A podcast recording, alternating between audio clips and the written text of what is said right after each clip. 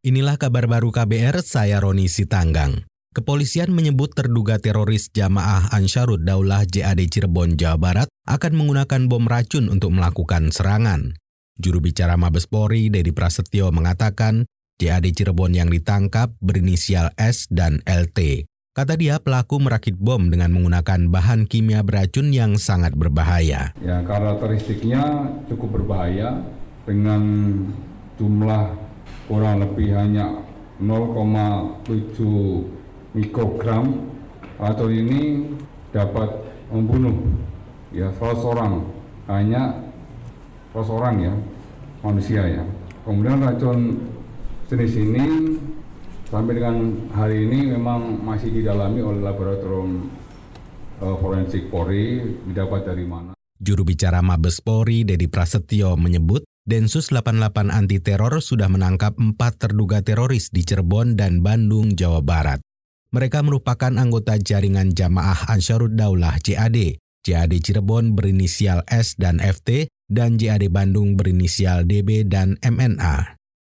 Bupati Indramayu Jawa Barat Supendi ditetapkan sebagai tersangka suap terkait pengaturan proyek di lingkungan Pemkap.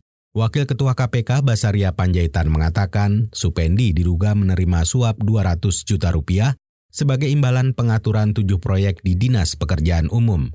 Penetapan ini sebagai tindak lanjut operasi tangkap tangan yang digelar KPK Senin lalu. Dalam OTT itu penyidik menyita uang sebesar 600 juta rupiah. KPK menyimpulkan adanya dugaan tindak pidana korupsi menerima hadiah atau janji oleh penyelenggara negara terkait pengaturan proyek di lingkungan pemerintah Kabupaten Indramayu tahun 2019. Sejalan dengan peningkatan status penanganan perkara kepenyidikan, KPK menetapkan empat orang tersangka. Basaria Panjaitan mengatakan KPK juga menetapkan tiga tersangka lain, yakni Kepala Dinas Pekerjaan Umum Omar Syah dan Kepala Bidang Jalan Dinas PU Wempi Triono sebagai penerima suap. Sedangkan satu tersangka dari swasta yaitu pemimpin CV Agung Resik Pratama, Carsa ES, diduga sebagai pemberi suap. Sekjen Gerindra Ahmad Muzani menyatakan partainya menerima Sandiaga Uno untuk bergabung kembali. Musadi menilai sudah ada kecocokan antara bekas calon wakil presiden itu dengan Partai Gerindra. Kata Muzani, Sandiaga hari ini akan datang dalam rapat pemimpin nasional Gerindra sekaligus diterima kembali sebagai kader partai itu hak politik yang bersangkutan apakah dia akan bergabung kembali atau mau bergabung dengan partai politik lain tentu saja kita tidak memberi tekanan ataupun enggak sama sekali tetapi dari awal Pak Sandi juga rasanya sudah merasa jalan perjuangannya dengan Gerindra sudah cocok sehingga uh, itulah jawaban kenapa kemudian beliau akan uh, akan kita terima dalam forum yang terhormat besok di. Sekjen Gerindra Ahmad Muzani menjelaskan kemungkinan Sandi akan menduduki posisi yang sempat ia tinggalkan, yaitu sebagai Wakil Ketua Umum Dewan Pembina. Kemarin Sandiaga mengunggah video dirinya di Instagram dengan memakai baju bertuliskan Gerindra. Dalam video itu, Sandi menuliskan keterangan, saya kembali. Tim pemantau dari Komisi Nasional Hak Asasi Manusia Komnas HAM menemukan adanya lubang pada kepala Yusuf Kardawi, mahasiswa yang tewas pasca kerusuhan Kendari 26 September lalu.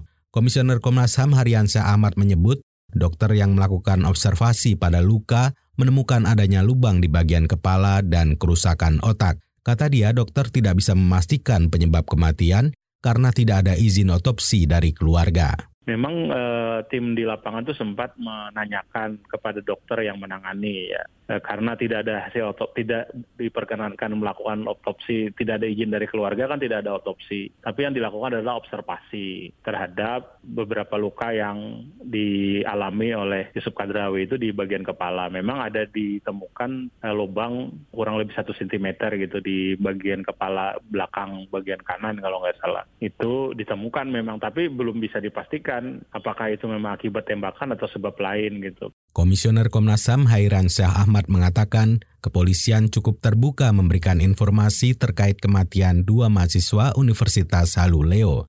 Dia meminta polisi juga terbuka terkait hasil uji balistik dan proses hukum yang dilakukan terhadap pelaku penembakan.